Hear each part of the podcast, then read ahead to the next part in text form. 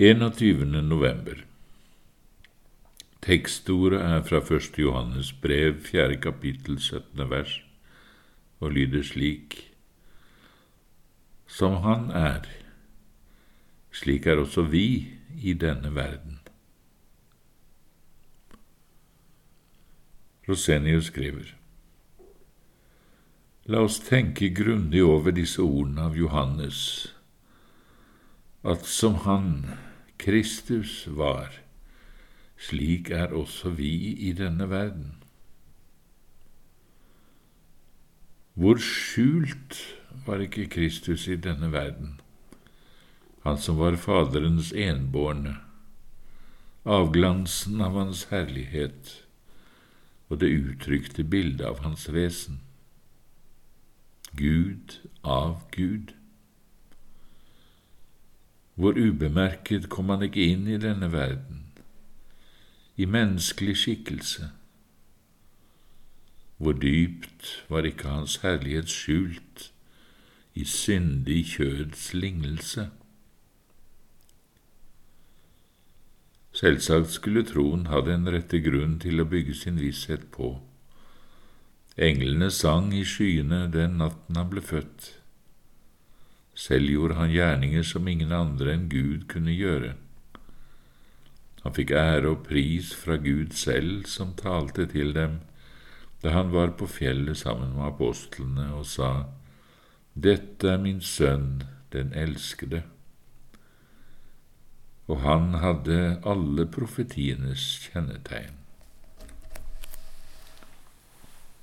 Men han sa til dem, Til dom er jeg kommet til denne verden, så de som ikke ser, skal få se og de som ser, skal blindes, for at vantroens selvsikre sinn, som alltid vil se tegn, skulle straffes med blindhet, og at han etter Faderens vilje skulle bli lik sine brødre og bære deres byrder.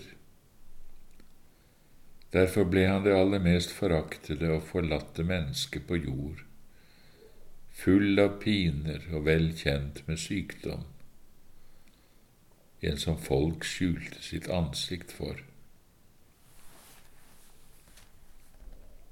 Tenk hvor skjult og helt uakseptabelt alt dette er for all fornuft, at Guds sønn skulle være født i en stall blant dyrene, vokste opp i en by som hadde et slikt rykte på seg over hele landet, at en enfoldig Natanael spurte kan det komme noe godt fra Nasaret? Guds egen sønn på jorden, og så er han fattigere enn himmelens fugler. Han eier ingenting som han kan hvile sitt hode mot. Foraktet, spottet, forfulgt, som en hjort som blir jaget bort tidlig om morgenen.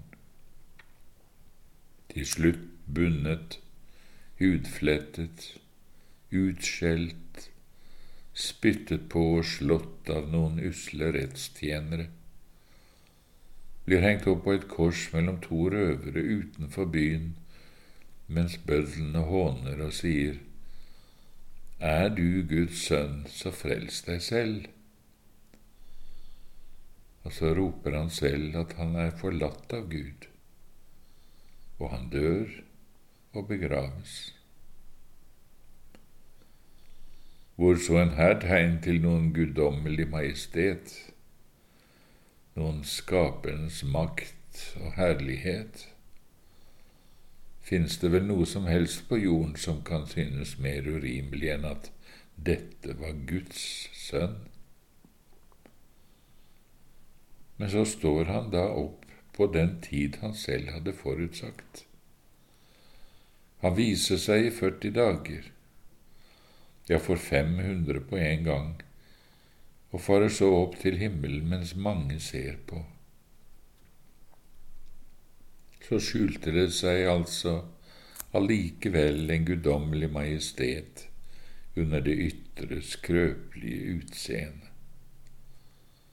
Og så, som Han er, slik er også vi i denne verden Som hodet er, slik er også lemmene.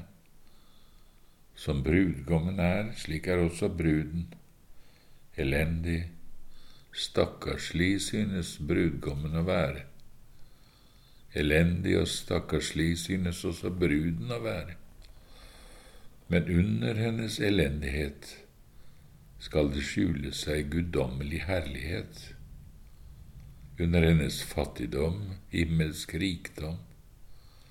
Under hennes synd og skrøpelighet en høy og evig rettferdighet. Her er det bare om å gjøre at vi ikke lar oss forville av det vi ser og føler. Det kan knapt i et eneste tilfelle synes mer usannsynlig at vi er Guds barn, Guds utvalgte, hellige, elskede, enn dette at Jesus skulle være Guds sønn. Skulle vi da ikke være fornøyd med å være skjult sammen med ham, vårt hode, her i livet på jord, og så gå sammen med ham i ydmykelsens tilstand her i Jammerdalen?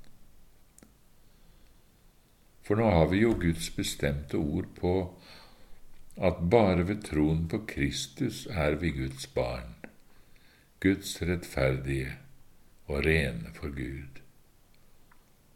Og da skal vi også tro dette så sikkert og visst som om vi allerede var i himmelen. Ja, like så sikkert som at Gud ikke kan lyve. Og så sikkert er det, selv om vi nå ikke kjenner det aller minste av dette i vårt hjerte. Hovedgrunnen til at alt dette er skjult i livet vårt, er at Kristi rike skal være et troens rike det skal være en ydmykende, trang og lav port for Adams skrøpelige barn. Kristus skal til alle tider være som en dom over denne verden, for at de som vil se, skal blindes, og de som nøyer seg med ikke å se, skal bli gjort sene. For at ingen andre skal kunne komme inn i dette riket og følge Gideon, enn de som er fornøyd med hva som helst som det måtte behage ham å sende over dem. De ble ikke med i Gideons hær etter fritt valg, men etter en ydmykende prøve. Den som bøyer seg ned og leppjer vannet i seg som en hund, skal gå med Gideon. Alle de andre kan snu og gå tilbake på samme måte i dag. Den som er villig til å være en hund, som kan være tilfreds med hva som helst som skjer, som han ser eller opplever, bare den kan følge Jesus.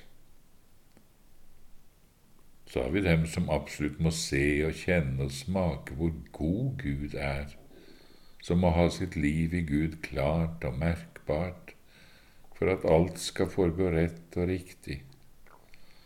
Alltid må oppleve sitt eget indre varmt og kristelig, sitt daglige liv alltid følbart, sterkt og hellig, som vil oppleve velsignelse over framgang i verden, at alle kristne skal være helt rene, uten noe å sette fingeren på, at det aldri skal være noen skrøpelighet, eller uenighet blant dem, hvis de skal kunne kalle seg kristne.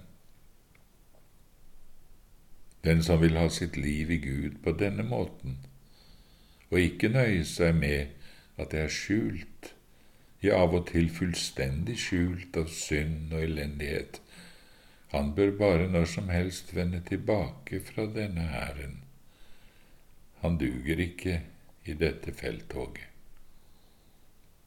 Den korsfestedes hær er tilfreds med å vandre i troens tykke, svarte mørke, ofte overhodet ikke se og kjenne noe til Guds nåde gjennom lang tid, ja, som om de var fullstendig fortapt.